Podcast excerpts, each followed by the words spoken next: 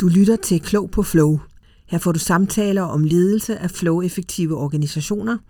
Vi håber, du bliver endnu mere nysgerrig på, hvordan du kan træde ind i ledelse for at skabe flow, resiliens og engagement.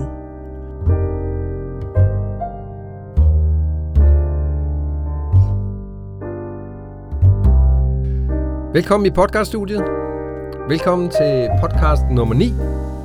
Øh, og i studiet i dag, der er det Pia. hej Pia Og Ulrik, hej. og Henrik her. Så, øh, og vi fortsætter vores samtaler. Øh, er der nogen, der øh, har nogle gode bud på, hvad der kunne være interessant at tale om i dag? Når vi nu skal snakke ledelse af flow-effektive systemer. Ja. Øh, ja. Altså, vi har da gjort os nogle tanker, og vi har da haft mange, øh, vi har haft mange samtaler de sidste 14 dage om, om mange forskellige ting, så øh, jeg synes da i hvert fald, der er et par ting på, på mit papir. Hvad med dig, Ulrik? Jamen, jeg har gået og, og tumlet lidt med den der med pingvinskridtene. Mm? øh, fordi øh, det så jeg sidst, vi var ude sammen, men du har jo enorm succes med at formidle en af vores øh, grundlæggende pointer i forhold til ja, det, som man som regel taler om som forandringsledelse. Vi kan jo komme ind på, hvad, hvad vi tænker om det. Men at bruge den der metafor med pingvinskridtene, Mm. den er stor resonans, og øh, jeg tror godt, vi kunne udfolde nogle, øh, nogle interessante perspektiver på det her med ledelse og forandring øh, med den øh, metafor som afsæt. Så temaet i dag, ledelse af forandring Ja. i, øh, i perspektivet ledelse af flow-effektive organisationer og systemisk anerkendende forståelse af den sammenhæng. Vi kan da se, hvor det fører os hen. Øhm, Ingen ved det. Ingen ved det. Alle taler om det. Ingen ved det. Var det ikke det, de sagde i en gammel børneudsendelse eller sådan et eller andet? ja. Jeg hørte i øvrigt i morges i, øh, på P8 Jazz, som jeg fornøjer mig med hver morgen. Øh, det, de, der, der var en lytter, der skrev ind, som skulle have en sang, som både knyttede fortid, vedkommende var ved at flytte hjemmefra, og det sentimentale sammen med nutid og det, der åbnede sig, om de kunne finde en jazzsang.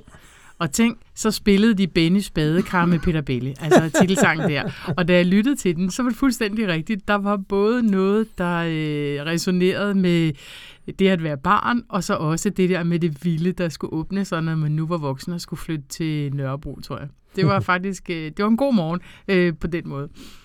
Men der er jo også noget med, hvis vi snakker forandringer, så er det jo øh, noget med, at vi godt vil fra en tilstand til en anden måske. Øh, hvis man kunne øh, Det er i hvert fald sådan, det tit bliver talt om det, ikke? Hmm? Øh, fordi en af de ting, jeg kan, nu kan lytterne nu ikke se, hvad du har liggende på bordet her, men jeg ved, Det er meget. øh, men, øh, der er mange ting, jeg dårligt selv overskue det, hvad det hedder, men, øh, men en af de ting, som jeg har lagt mærke til, det er, at du har øh, Christina Solsøs bog om ledelse i kompleksitet Mm. liggende, Ja. og, og øh, nu ved jeg ikke præcis, det kan jeg ikke huske, øh, hvad, hvad, hvad Christina skriver, hvordan hun skriver om det der, men Altså Karina. Grine undskyld, øh, mm. hvad det hedder, men, men der er noget med det fundamentale perspektiv på forandring, som måske var en måde at starte snakken på. Mm. Fordi der er jo faktisk en nuance der, der kan gøre en forskel, tænker jeg. Ja. Altså, øh, da jeg læste den i sin tid, øh, både øh, Stasis, øh, hvad kan man sige, øh, værk, øh, og så øh, Karina Solsø og Pernille Thorups øh, danske bog omkring det ledelse i kompleksitet, der, øh, der var der så meget, der resonerede med mig. Og det, som man kan sige, det er, at de starter jo for det første med ligesom at, at, øh, at skabe en definition af, hvad en organisation er, som, som øh, vi måske ikke har set så meget før i andre, øh, i andre sammenhænge. Og det, de siger, det er jo, at organisationer er fortløbende mønsterdannelse af interaktioner mellem mennesker. Så jeg, jeg taler nogle gange om det som, at organisationen er de samtaler, der foregår i organisationen. Mm. Når vi går hjem om aftenen, så er der kun bygningerne tilbage, og det er jo ikke en organisation, det er bare bygninger. Og når vi kommer ind om morgenen og øh, mødes ved kaffemaskinen, så opstår der en lidt anden samtale, end der var i går. Der er nye samtaler, der finder sted. Måske har man hørt en podcast, måske har man øh, været sammen med nogle mennesker, man ikke plejer at være sammen med, har fået nogle nye perspektiver. Og den samtale bringer man ind i organisationen, og der opstår nogle nye mønstre, altså noget ny adfærd.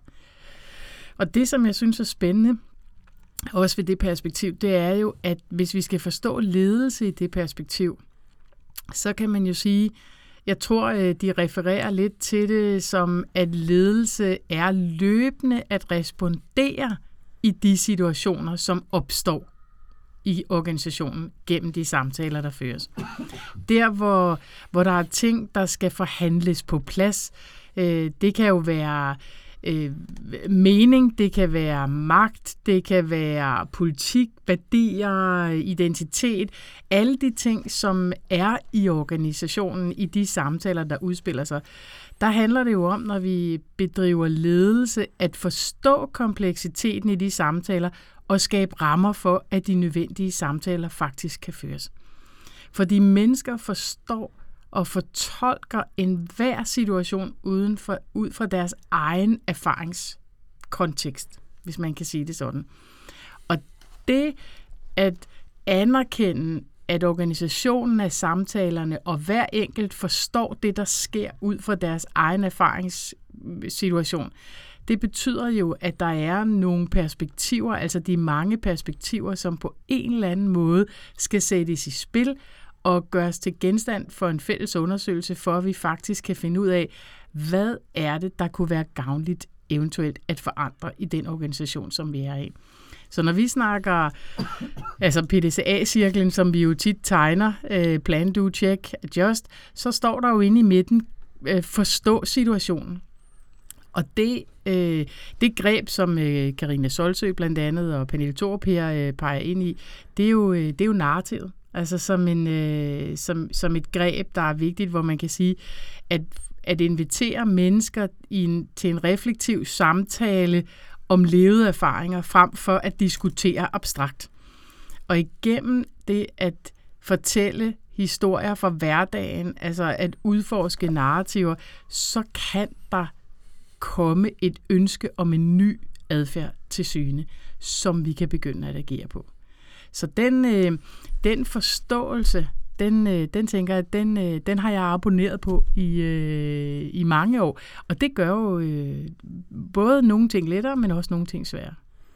Ja, så jeg, nu kan jeg ikke huske det nøjagtige udtryk, men hvad er det Stacey, han kalder det, han siger organisationer som øh, emergente responsive mm. processer, eller sådan noget i den der, i den der dur. Jeg kan ikke huske det nøjagtige citat, øh, og øh, Jeg skal lige som regibemærkning her til de bekymrede lyttere øh, bemærke, at Henrik er ikke ved at dø, han har bare været forkølet. Velkommen til Virus-sæsonen her. og han er heldigvis på vej op. Øh, det er vi alle sammen glade for. Vi ikke mindst Henrik er sikker på. Ja, øh, men øh, jeg tænker, og en ting er jo betydningen af samtale og narrativ, og en anden ting er måske helt fundamentalt, øh, øh, det perspektivskifte, der ligger i at anskue organisationen som en organisme, der, er, der lever, frem for et system, der er stivnet. Fordi, fordi øh, jeg sad lige og legede lidt med robotten i går, øh, for at se, hvem, hvem har sagt noget på hver side af det. Og det er jo en levende debat til syden i organisationsteorien, mm. øh, hvor at, at, at et billede, det er jo det her med, øh, at vi ser, når tingene kører, som de plejer, og så kan vi enten være tilfredse med det, eller utilfredse. Og skulle vi være utilfredse, så tegner udfordringen sig så for os om, at nu må vi nødt til at få lukket noget op, mm. sådan så vi kan lave om, og så kan vi lukke det til igen, fordi så er det så på en ny, fast måde. Mm. Og det er jo øh, et bestemt perspektiv på det at øh, arbejde med forandringer i organisationer, som giver et sæt af, af, af i hvert fald øh, let forståelige øh, handlemuligheder. Og så er der det modsatte syn, som er, at øh, i virkeligheden er det den modsatte problemstilling, der foreligger at øh, øh, organisationer er jo organismer af mennesker, og, og derfor er de per definition spontant selvudviklende. Mm. Og, og det, at, at, at, det at se stabile mønstre er øh, dels øh, et perspektiv, altså vi, det er en anskuelsesform. Den er ikke nødvendigvis hverken mere rigtig eller forkert end, øh, end, end, end den, øh, den åbnende anskuelsesform, men det er i hvert fald en anskuelsesform. Det er ikke nødvendigvis sådan en, øh, en, en en uindiskuterbar realitet. Mm. Øhm, og det andet er jo så også, at, at, at det, det, gør, det, giver, det betyder noget for, hvordan vi forstår det at agere i relation til forandringer. Mm. Øhm, fordi det kan jo godt være, at jeg tror, en, en af de ting, jeg lærte for mange år siden, da jeg havde et meget pæfærd øh, bekendtskab med den sociologiske disciplin, der hedder, øh, øh, hvad det hedder etnometodologi, øh, som er sådan en slags mikrosociologisk disciplin, der handlede, som jeg forstod det, det er længe siden, om at vise gennem nære empiriske studier, og det er som helt ned til at sidde og, og, og, notere sig, hvordan øh, meget nære samtaleforløb foregår ord for ord. Hvordan vores forestilling om, at verden er der i en eller anden manifest form, der er uproblematisk, måske er et, et slør, som vores øh, øh, ønske om at se verden som mm. øh, et sted, vi kan handle i, øh, ligger hen over det forhold, at vi i virkeligheden meget minutiøst hver dag samskaber den illusion, om jeg så må sige. Altså der er et af de klassiske øh, øh, artikler der i den tradition, der hedder Undoing Being Ordinary. Fordi det vi, man kan i hvert fald argumentere for, det er jo det studiet øh, handlede om, at, at det der med at være almindelig, det er ikke så meget noget, øh, der giver sig selv på forhånd. Det er en øh, interaktiv erhvervelse, som mennesker, der viser hinanden, at viser hinanden over for hinanden, at de er og hvad det er at være almindelig. Øh, og, og jeg tror, øh, der er i hvert fald en, en brudeflade der i, hvordan vi, der både er akademisk, jeg ved ikke lige præcis, hvor debatten står i akademisk sociologi nu om dagen, øh, det må nogle andre, øh, hvad det hedder, øh, tale med større kraft end jeg om, men der er en tydelig intellektuel brudflade, der også har konsekvens på, hvordan vi handler i hverdagen, som er, anskuer vi øh, den sociale verden i verden, som vi omgås i, som organisationer for langt langt hen ad vejen kan anskue som. Anskuer vi det som noget, der er fast og skal hjælpes til at kunne forandre sig? Eller anskuer det som noget, der er i bevægelse, som vi så kan forsøge at medvirke til at påvirke? øh, så, så, så det tænker jeg, det er sådan den helt grundlæggende, den helt grundlæggende øh, tanker. Og hvis jeg, nu ved jeg godt, at jeg taler længe, hvis I må sige det sidste om mm. det.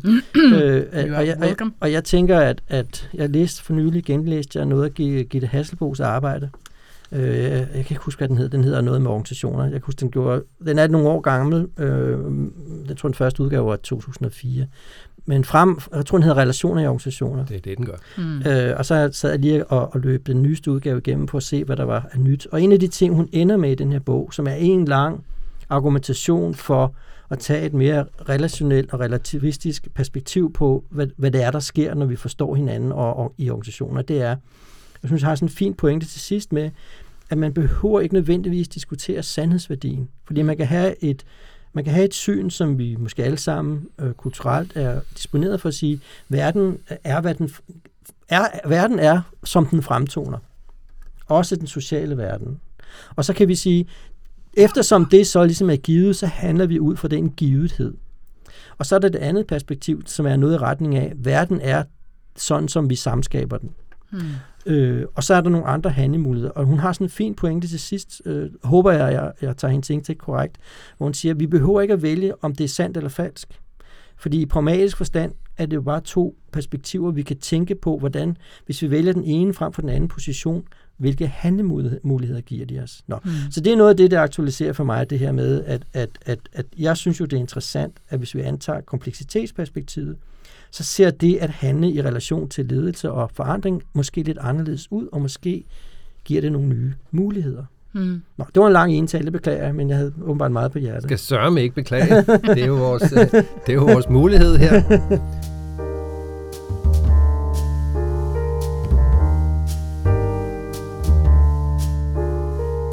Ulrik, der, øh, der er virkelig lagt mange spor ud, som man kunne, øh, som man kunne pege ind i. Øh, jeg, jeg, øh, jeg vil lige sådan nævne, at øh, hele Stacys arbejde, som han jo lavede faktisk sammen med Patricia Shaw og Douglas Griffin, øh, kalder han selv for Complex Responsive Processes of Relating. Det det, øh, hvis ja. man skal have den, øh, den, sådan, den, ja, den betegnelse, de selv brugte på det. Øhm, og der er, jo, øh, der er jo virkelig mange spor, du lægger ud, altså både omkring det her med sproget og vores øh, evne til at sløre øh, det. Øh, der, der er flere ting, der resonerer med mig. Altså, en af de ting, som jeg kommer til at tænke på, når du, øh, når du taler om det her, det er faktisk en lille bog af, af Niels Christi, som, øh, som hedder Små ord om store spørgsmål. Det er en lille sag, den er så fin. Han er samfundsforsker, og en, øh, han er norsk, og øh, vist nok også kriminolog.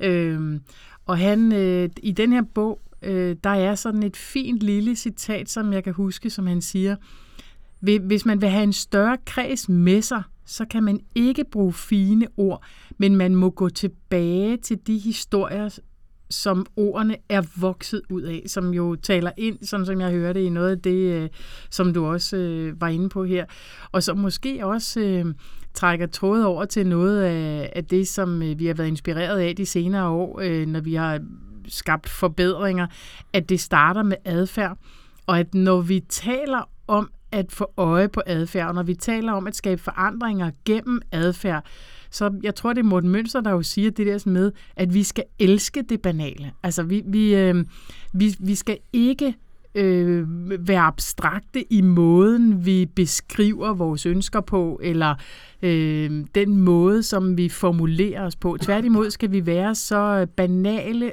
at det næsten er pinligt. Altså, at vi ikke kan få os selv til at sige det, som vi har lyst til at sige. Så der er helt sikkert noget med, at måden, vi taler med os selv og med hinanden på, kan sløre noget af det, der egentlig kunne være gavnligt, når vi faktisk vil skabe forbedringer i, øh, i vores hverdag. Jeg kom til at tænke på, øh, på en anden ting også, nemlig, at måske overser vi det nogle gange, men forandringer sker faktisk helt af sig selv hver eneste dag i alle organisationer. Og udenfor. Og udenfor. Altså, det, det, det er jo, øh, den, der emergerer jo nye ting hver eneste dag, når mennesker mødes. Og jeg, øh, jeg kan huske en workshop, øh, jeg engang var til med hans navn kommer til mig lige om lidt, men han havde han lavet en, øh, en lille workshop, øh, eller en fire timer lang workshop om det lille ord er. Øh, og jeg tænkte, det lød så tilpas øh, håbløst, at det måtte jeg se, hvad var. Og det, som var interessant, det var jo at øh, sætte fokus på, at det lille ord er, det kan bruges både i at sige, hvem er men også, hvem er jeg på vej til at blive. Og i den, øh, den lille undersøgelse af, hvem er jeg på vej til at blive, så var det jo helt tydeligt, at fra vi gik ind i den workshop, til vi gik ud af den workshop, der var vi blevet en lidt anden. Og det her med, at man hedder piger, når man går ind, og hedder piger, når man går ud, så kan folk rundt omkring en godt tro, at man er den samme, at det er den samme, de møder på gangen hver eneste dag. Men det er det faktisk ikke. Man er blevet en lidt anden igennem de samtaler, som man har haft.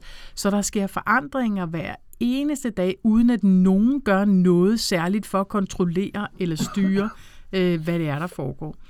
Men forandringer i sig selv er jo ikke det samme som forbedringer det tror jeg måske er en af de pointer, som jeg godt kunne tænke mig at snakke lidt ind i. Fordi når vi taler om ledelse af forbedringer, så er det jo fordi, vi siger, at der sker forandringer hver dag. Ja, ja, det behøver vi ikke at tage os af.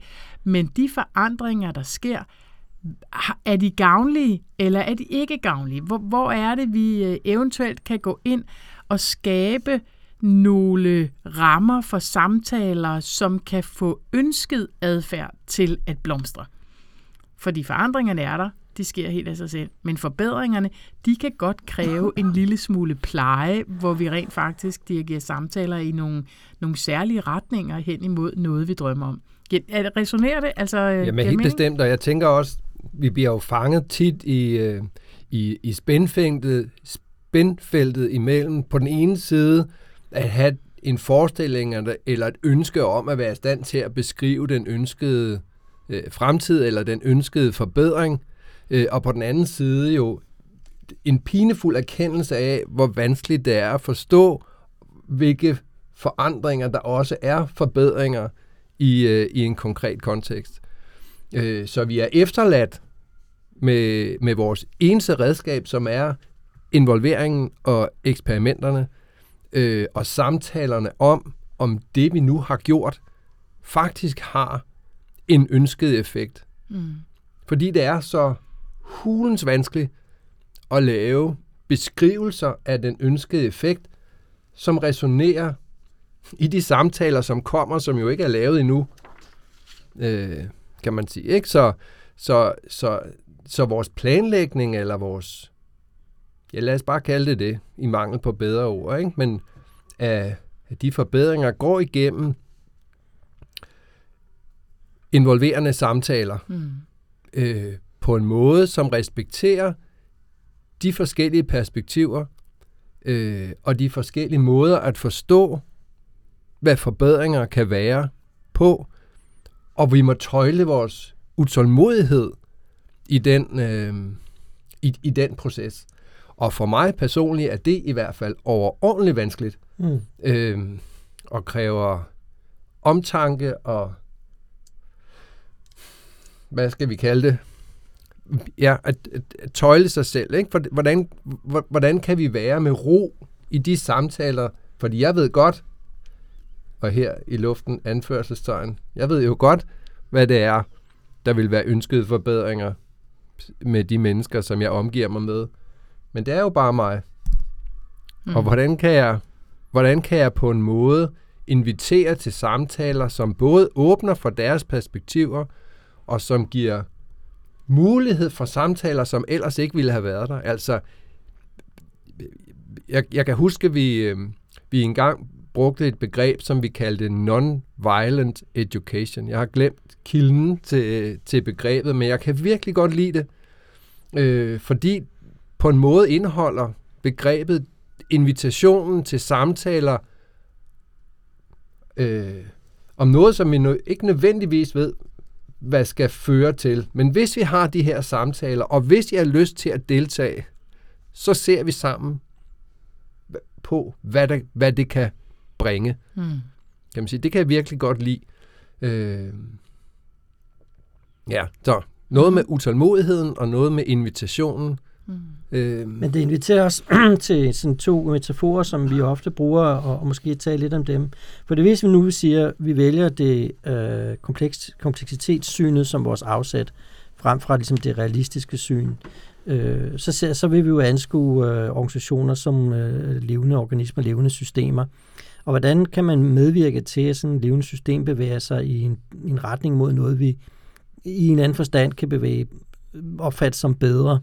Og der har vi jo tit brugt uh, to metaforer. Den ene, det er uh, at danse med systemet. Mm. Altså frem for at opfatte sig som en, der står udenfor og kan intervenere og påvirke i, i, i en målrationel uh, retning, på, hvis bare man bruger de rigtige teknikker, den rigtige version af ADKAR, eller hvad, hvad det nu måtte være, så det kan vi ikke. Vi kan kun engagere os. Og det, der kan ske, når man byder op til dans, det er jo, uh, apropos non-violent education, det er, at der er ikke nogen, der tager indbydelsen op. Mm.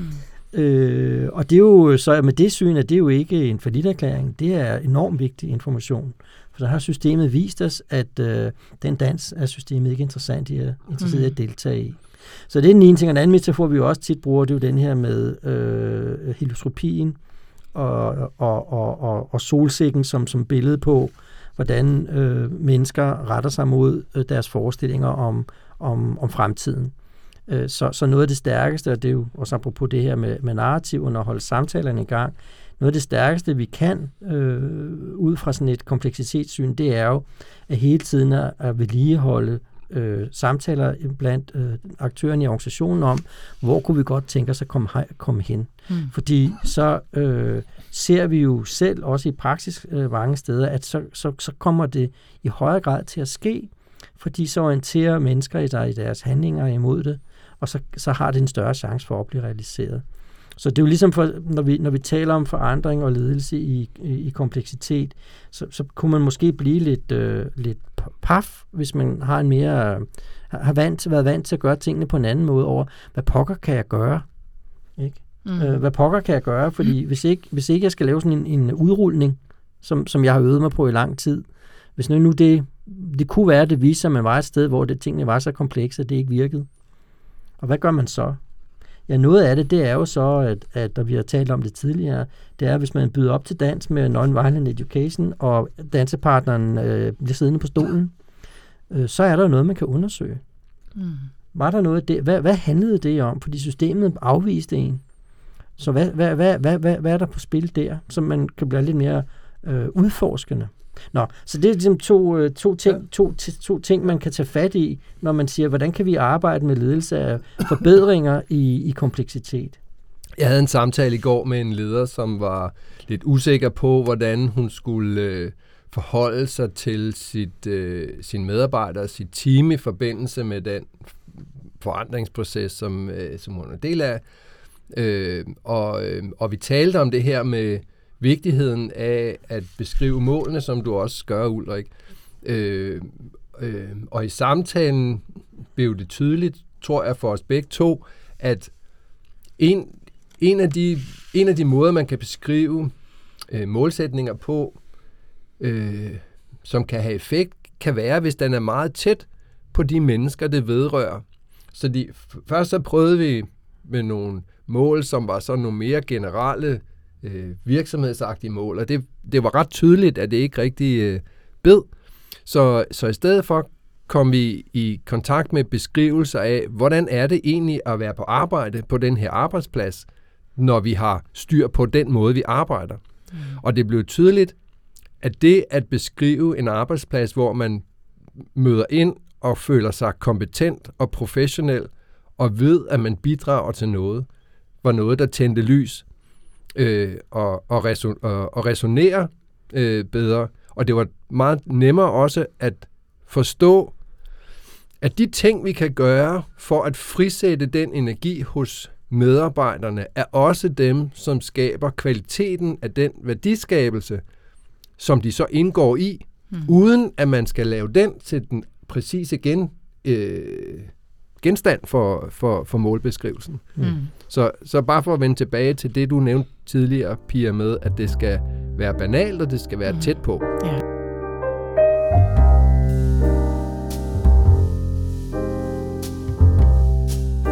Ja. Men, og, det, og det, man kan jo sige, øh, jeg, jeg synes, øh, det, den, øh, den situation, som, øh, som I taler ind i, altså, øh, jeg tror, du sagde, Ulrik, det her med, hvis, nogen, hvis man tilbyder noget i en organisation, og folk ikke er interesseret, så er det jo data.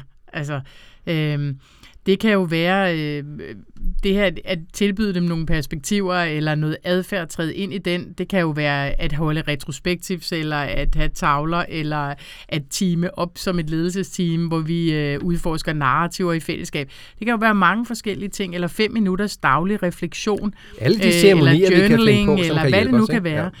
Men, men, men nogle gange så oplever vi jo, at folk ikke selvom de er inviteret, ikke føler, at det er meningsfuldt at deltage. For nu, vil jeg sige. Fordi det, at nogen ikke føler det for nu, det kan jo handle om, at vores ledelsesopgave med at forstå situationen og kompleksiteten i situationen, at den kalder på os. Altså, så, så det her med at sige, jeg kunne virkelig godt tænke mig, at vi havde en praksis her i vores organisation, hvor vi hver 14. dag faktisk systematisk har en samtale om at se, hvilke forbedringer, der kunne være interessante i den næste periode. Det kan godt være, at der er noget, der skal ske, før man kan beslutte sig for, at den 14-dages ceremoni, den ligesom kan komme i, i, i kalenderen. Der kan være mange ting ud at gå, og, og som, når, man, når man træder ind i ledelse, og træder ind i at forstå den her sådan, situation, så kan man måske få øje på, at der er nogle af de mennesker, der skal deltage, som faktisk måske ikke føler sig psykologisk trygge ved at gå ind i den form for samtale. Og det betyder jo, at der er kald på nogle andre samtaler først. Nogle andre interventioner i nogle andre sammenhænge, for at det ønske om ændret adfærd kan komme til at, øh, slå rod i organisationen. Og jeg tror rigtig mange gange, så, er, så, så glemmer vi, at det, at mennesker ikke føler, at det er meningsfuldt at deltage, at det er bare data. Og at, at tage den data alvorligt til at lave nogle andre udforskninger, altså sætte rammer for nogle andre samtaler, så vi faktisk forstår, hvad det er for et lille skridt, der eventuelt kan være med til sammen med et andet lille skridt at få os derhen i fællesskab, hvor det for os alle sammen er meningsfuldt at deltage i det, som kan skabe forbedringer på lang sigt. Og der er Ja, altså, der, der er jo sikkert mange forklaringer på, hvorfor det, øh, hvorfor det er vanskeligt for os måske at give os tid til den undersøgelse, og en af dem er jo det pres, som, øh, som vi har talt så meget om, at der er så mange operationelle opgaver i vores organisationer, som folk føler sig meget ansvarlige for at løse. Så det her med at gå hen i undersøgelsesdomænet, eller det refleksive domæne, øh, det, det, øh, altså vi, vi... Det bliver underprioriteret. Ja, fordi vi oplever ganske enkelt ikke, at vi har tid til det. Så så, som vi, vi tænker, det må bare kunne lade sig gøre at få sat det her på dagsordenen, og så får vi gjort det. Og det er jo lidt ønsketænkning, ikke? Altså, øh, fordi jeg tror, det er jeg kan ikke huske, hvad han hedder, ham der har skrevet øh, Atomic Habits, Habits det, kommer, øh, det kommer måske til os øh, lige om lidt. Men han, jeg, han har sådan et, øh, et sæt, der hedder Success is the product of daily habits and small conversations. Og, og det, er jo, øh, det er jo det, som, som vi måske kan komme til at glemme i vores bestræbelse på at gøre det gode.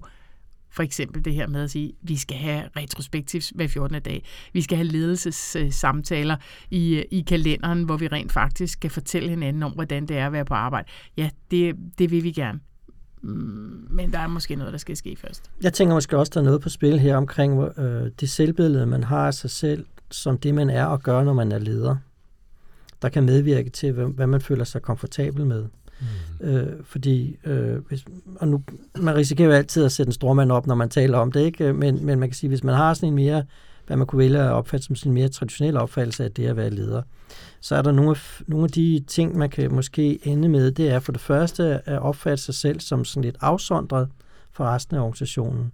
At, at organisationen er noget, man er lidt ved siden af eller over, og man gør noget ved. Mm. Øh, og, og så kan man jo lægge store fordringer på sig selv for at kunne få den der gøre noget ved til at lykkes. Og det er måske også i hvert fald en af kilderne til der, hvor al den her snak om modstand kommer fra. Øh, og det er jo en position, og igen, jeg tror måske, vi skal passe på at tage vores eget råd fra vores øh, øh, coachingstradition at sige, jamen, lad os nu lade være at tale om rigtigt og forkert. Mm. Men det er et sted, man kan være, og det kan jo være situationer, hvor det er hjælpsomt. Men det kan måske også øh, være, at man kommer i situationer, hvor tingene er mere komplicerede eller komplekse, hvor det ikke er hjælpsomt, og hvor det er et, og hvor det er et svært sted at være, fordi man nemt kommer til at se ud som en, der ikke kan. Og der kan man sige, der kan det måske være forløsende at se sig selv som mere en del af strømmen. Sige, øh, jeg, og nu jeg bestemt ikke skyde øh, publikum i skoene, de ikke også opfatter sig sådan, men, men, men hvis vi er meget aktivt og vælger at tænke på os selv, jeg er jo bare en blandt alle dem, der er her, der i fællesskab skal finde ud af at gøre ting bedre og, og, tjene, og tjene dem, vi tjener så godt, som vi formår. Og, og det gør vi jo gennem det, vi gør i hverdagen, så lad os engagere os i, hvad er det, der sker i hverdagen, der enten hjælper os, eller, eller det modsatte. Mm. Øh, det kan man så sige, det er jo en anden position, hvor man kan sige, øh, man får ikke den muligvis helt samme formelle prestige og autoritet, som, som følger med en mere traditionel position. Ikke at man behøver at give den op, man kan jo bare vælge, hvordan man bruger den øh, men man får måske til gengæld en, en, en, en, en, en måde, der kan være nemmere at være i praksis, hmm. fordi man ikke lægger nogle fordringer på sig selv, som kan være vanskelige at møde.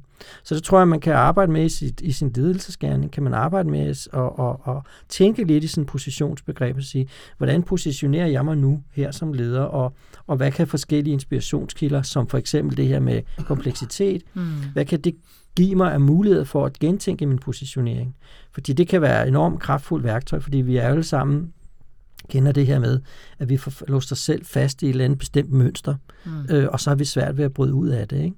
Øh, og der tror jeg, det der med, at man giver sig selv lov, hvis man kan finde tid til det i den travle hverdag, til lige at reflektere over, hvordan er det egentlig, jeg forholder mig til det her. Mm. Øh, der kan det være, tror jeg, meget forløsende at sige, det jeg i virkeligheden skal, jeg skal ikke sidde i mit elfenbenstårn og, og, og vide alt og, og kunne præ- diktere præcist, hvordan tingene kommer til at skulle forløbe og, mm, og kunne forudse at, øh, de gode resultater, der kommer ud af det. Jeg skal sådan set bare sammen med mine kollegaer have øh, samtaler om, hvordan vi kan justere os fremad i retning imod noget, vi opfatter som et attraktivt mål. Det kan måske være en, en, en, en meget stor øh, øh, byrde, man slipper for, hvis man nu mm. vælger at skifte øh, sin position til det.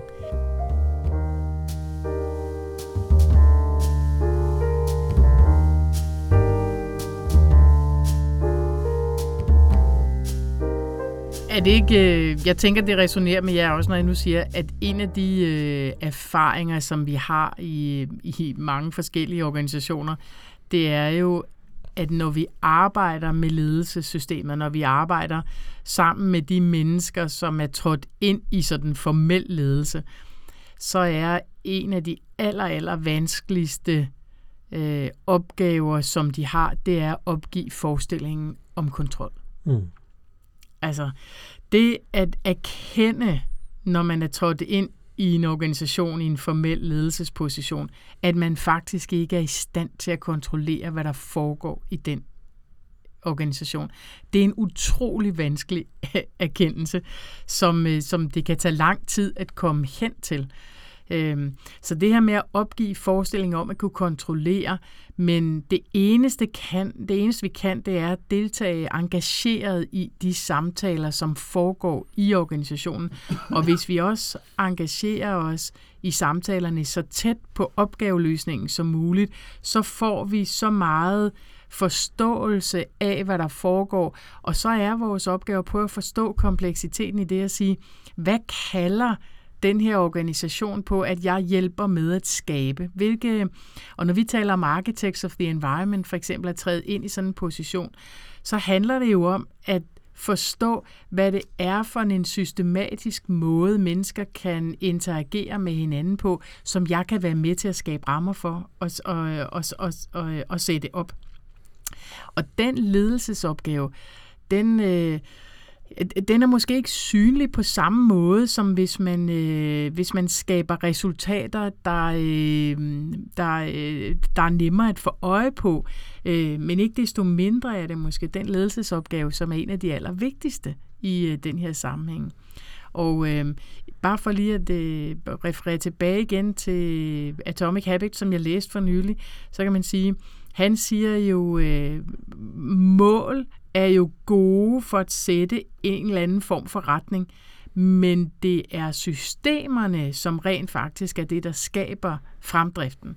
Så hvis vi, hvis vi gerne vil have forbedringer, hvis vi gerne vil kigge på vores organisation for at se, det vi gør, kan vi faktisk gøre det en lille smule bedre for at opnå nogle af de målsætninger, som vi har sat os, så skal vi ikke have fokus på målene, så skal vi have fokus på systemet. Og det er jo ledelsesopgaven, mm. som, som vi i hvert fald øh, i mange forskellige sammenhænge har prøvet at tale ind i som en af de væsentligste ledelsesopgaver. Men det er utrolig vanskeligt at komme derhen, fordi vi samtidig også må erkende, at det eneste vi kan, det er at skabe arenaer for samtaler i dag, og så kan vi skabe nogle igen i morgen. Og så kan vi skabe nogle igen i overmorgen. Og vi kan ikke nødvendigvis få den ramme til at slå rod, som vi fra starten af tænker, det er jo den, der er den rigtige. For det er den ikke. For i morgen er den måske forkert. Men jeg tror også, øh, øh, noget du får mig til at tænke på, det er, men man kunne måske sige, at hvis vi nu anvender, og jeg er helt enig, Systems over Goals, det er jo en fantastisk øh, slogan, og, og hvis ikke du gør andet efter at hørt den her podcast, så synes jeg, du skal gå hjem og skrive det her på din toiletdør. yeah. For det er en, en, en fuldstændig fundamental indsigt, mm. som vi ikke kan sige hyppigt nok. Øh, men det, man måske kunne frygte ud fra det, vi snakker om, det er, at man kunne få et indtryk af, at, at hvis man tager sådan en systemsynsvinkel, systemisk synsvinkel, at så skal man give afkald på resultater. Og jeg mener jo, at, at i virkeligheden, så må vi jo, at det er i hvert fald vores erfaring, at nej, resultaterne bliver bedre. Ja. Men man måske skal man give afkald på at kunne smykke sig med resultaterne alene. Mm. Øh. Ja, og fokusere på dem undervejs. Altså, jeg, jeg tror faktisk, var det ikke Karoline Wozniacki engang, hun blev interviewet i, om, om det her med at, øh, at spille tennis, og hvor øh, de snakkede med hende om, hvordan det var at, at spille sådan en vigtig kamp. Øhm, og øh, når hun stod der og øh, var foran øh, 4-1 i tredje sæt, eller hvordan det var, hvad hun så tænkte om det, og så sagde hun, men det er fuldstændig ligegyldigt, hvad stillingen er. Jeg tænker det samme hele tiden, nemlig, hvordan skal jeg spille den næste bold? Nemlig. Det, hun tænkte aldrig på, om hun skulle vinde eller tabe, eller om hun var i risiko for noget, eller hun tænkte ikke på kampen øh, og resultatet, som hun ønskede af den kamp. Hun tænkte kun på, hvordan kan jeg spille den næste bold på en god måde, så jeg kan vinde den næste bold, ikke kampen. Og det synes jeg faktisk var øh, meget klogt. Tillad mig at citere neuromancer. Don't anticipate outcomes, stay in the moment. Ja. ja. ja. Som også kalder, tænker jeg, på en, øh, på en lidt kompliceret samtale, som rækker ud over, hvad vi har tid til i dag, men sammenhængen mellem det at blive i samtalen imellem enkeltpersoner mm. i det daglige ved kaffemaskinen og forstå øh, implikationen af det på systemet. Mm. Hvad så end systemet er. Hvordan forstår vi egentlig systemet som sådan? Mm. Altså den, den hurtige, hvis jeg skal sige noget, det er jo, øh, at, at, at vi skal have blik for helheden mm. i den værdiskabelsesproces, mm. vi har gang i. For vi kan ikke lave forbedringer ved at lave øh, ved at fokusere på, øh, på elementer i helheden. Men det er jo en overordentlig vanskelig proces at holde en mental billede af den helhed, samtidig med, at vi fokuserer på, at vi kun kan deltage i samtalerne der, hvor vi er, og planlægge rum, hvor de samtaler kan være i. Mm. Og der er også noget med, at det der med systemafgrænsning, der kan man ende i sådan en uendelig regress af, at Ja. alting er en del af et større system, og hvor skal vi så lægge snittet? Men der er jo en tomfingerregel, for jeg tror, det var Reinersen, der skrev om det, og måske har også hørt nogle af popindikkerne tale om det, dengang de stadig var meget øh, aktive. Det der med, at hvad gør man så, når man kigger op? Mm. Ikke? Så for eksempel øh, i, i relation til, hvis vi siger for belønningssystemer, hvordan skal vi lave vores in, in, independence øh, performance reviews? Så, vil svaret være, kig op. Mm. Ikke? Så øh, det, det, det kan da godt være, at vi også skal have styr på det, men det første vi gør, det er, at vi ser på det næste niveau op, hvad belønner vi? Ja. Og, og så, så jeg tænker, som sådan en, en tomfingerregel for, hvordan man ligesom finder sig til rette i, at i, det- i virkeligheden er vi jo alle sammen små fnuge i universet, og det kunne være det, der var det system, vi tog i betragtning, men det formår vi jo ikke, mm. hvis vi også skal have hverdagen til at fungere. Så man siger, kig op. Hver gang du bliver fristet til at kigge hen eller ned, så kig op, Så kig op. fordi så er du allerede i gang med at være mere systemtænkende, end du ellers var. Ikke? Ja. Det, det, det kan, altså man kan jo sige, øh, det, det kræver jo også, at hvis man skal kigge op, at der faktisk er en klar retning. Mm. Øh, og det er måske en af de ting, som hvis vi nu vi startede med at sige, at vi vil tale lidt om forandringsledelse og forbedringsledelse, så, øh, så, så kunne jeg godt have lyst til at, øh, at slå et slag for også, at man øh, måske kiggede lidt på, på noget af Bo Vestergaards arbejde her i Danmark. Han har lavet noget virkelig fint arbejde omkring, øh, omkring forandringsledelse, og øh, hans, øh, hans første bog, nej, det er ikke hans første bog, men det er den første bog, jeg læste, ikke? altså Fair Proces. Øh, den, den er faktisk... Øh, Den er lige så god, som den er kort. Ja, den er nemlig... Det, det er rigtigt sagt. Det er en af de ting, han er fantastisk til i sin Ja. formidling. Det er han. Altså, udover at han er en ualmindelig øh, rar person, så, øh, så er han også klog og, øh, og en dygtig formidler. Øh, og det han siger, det er jo, hvis vi, hvis vi faktisk træder ind i ledelse, så, øh, så kan man jo sige, så, øh, så er det vigtigt, at man får sat konteksten. Altså, hvordan hænger det, vi er i gang med her, øh, eller det vi, det, vi gerne vil, vil arbejde på, hvordan hænger det sammen med organisationens strategi, for eksempel? Hvad er det for en retning, vi har? Hvad skal kunne lade sig gøre, øh, som ikke kan lade sig gøre nu? Og hvad er det for nogle rammer øh, og råderum, som vi faktisk øh, arbejder efter? Den rammesætning, den skal jo være tydelig. Den skal, den skal være forklaret, sådan at den bliver meningsskabt for alle. Og det sker igennem involvering. Og det er jo Ja. en af hans øh, hovedpointer. Det er sæt kontekst, involver og forklar. Fordi det skaber tillid til både ledelsen, til beslutningerne og til strategien. Og den adfærd, der kommer ud af det, det er jo, at mennesker i organisationer aktivt og frivilligt stiller sig til rådighed for at udvikle og afprøve nye løsninger på de problemer, som vi har, så adfærd derigennem faktisk forandrer sig. Og så kan vi jo sige, ja, så har vi jo greb med til at sige, okay, en gang imellem, så stopper vi lige op, og så ser vi, virker det? Hvis det virker, så bliver vi ved med det. Virker det ikke, så smider vi det væk. Altså, for nu at uh, citere en gammel Karl Weig. Altså, sige, virker det, så bruger vi det. Virker det ikke, så smider vi det væk. Så prøver vi noget nyt. Men det betyder, at den her sådan løbende ledelsesintervention, sæt kontekst, involver, forklar, den er helt afgørende for, at vi rent faktisk får en motor i organisationen, hvor mennesker aktivt involverer sig. Og det er jo noget af det, som, som vi snakker om, når vi snakker flow-effektivitet og ledelse af flow-effektivitet. Det er, den værdiskabelse, som vi skal lave, den afhænger af, at mennesker er engageret, og at vi definerer det som, at mennesker oplever frisættelse af energi. Og det gør de, hvis de bliver involveret. Så jeg vil sige, hvis du skal huske én ting fra den her podcast, så husk, at når du træder ind i ledelse, så handler det om at finde ud af, hvordan du involverer. Tak for det. Vi er ved at nå grænsen for, hvad vi kan nå i, øh, i den her øh, udsendelse. Øh, nogle famous last words, inden vi, øh, inden vi lukker helt ned. Jeg får lyst til at citere ham, jeg kan ikke huske, hvad han hedder, han Lang til efternavn, den australske psykolog. Peter Lang. Peter Lang, der er et af de, hans mest øh, øh, berømmede citater, det han siger øh, noget i retning af, bag enhver modstand gemmer der sig en frustreret drøm. Og din opgave er at finde den drøm frem. Han gjorde det i en, en anden kontekst, en terapeutisk kontekst, men ikke desto mindre.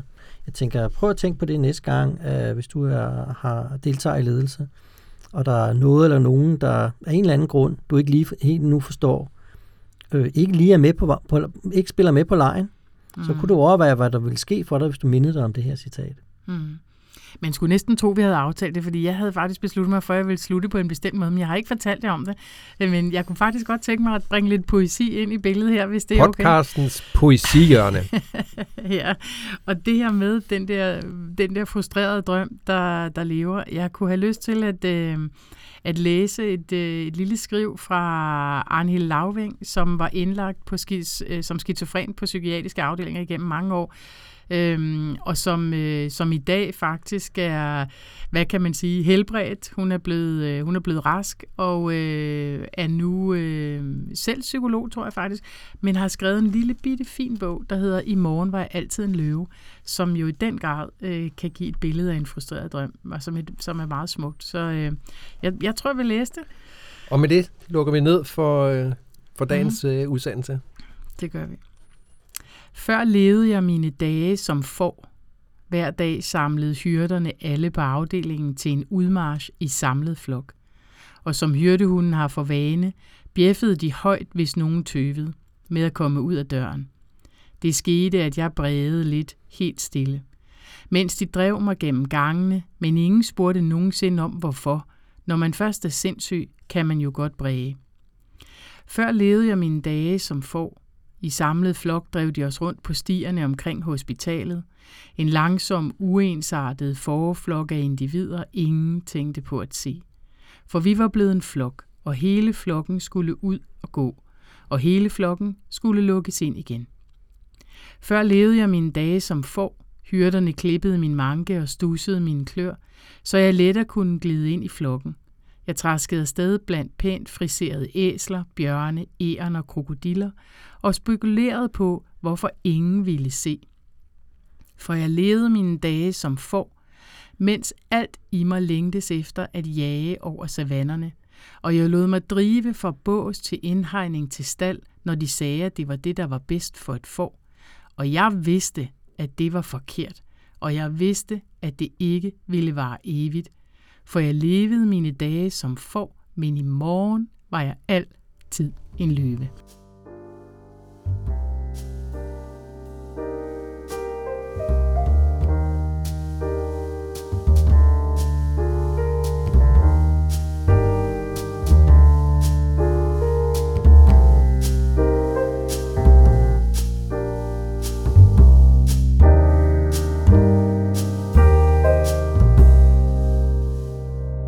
Klog på Flow er redigeret af Christina Stensgaard Højer og produceret af Agil Procesforbedring.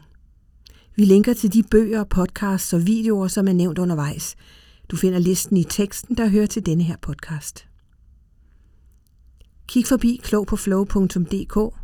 Her kan du læse mere om ledelse af flow-effektive organisationer, du kan møde teamet bag, og du kan se, hvad vi tilbyder. Hvis du har spørgsmål eller feedback til Henrik, Ulrik og Pia, så send en mail eller skriv til os på LinkedIn.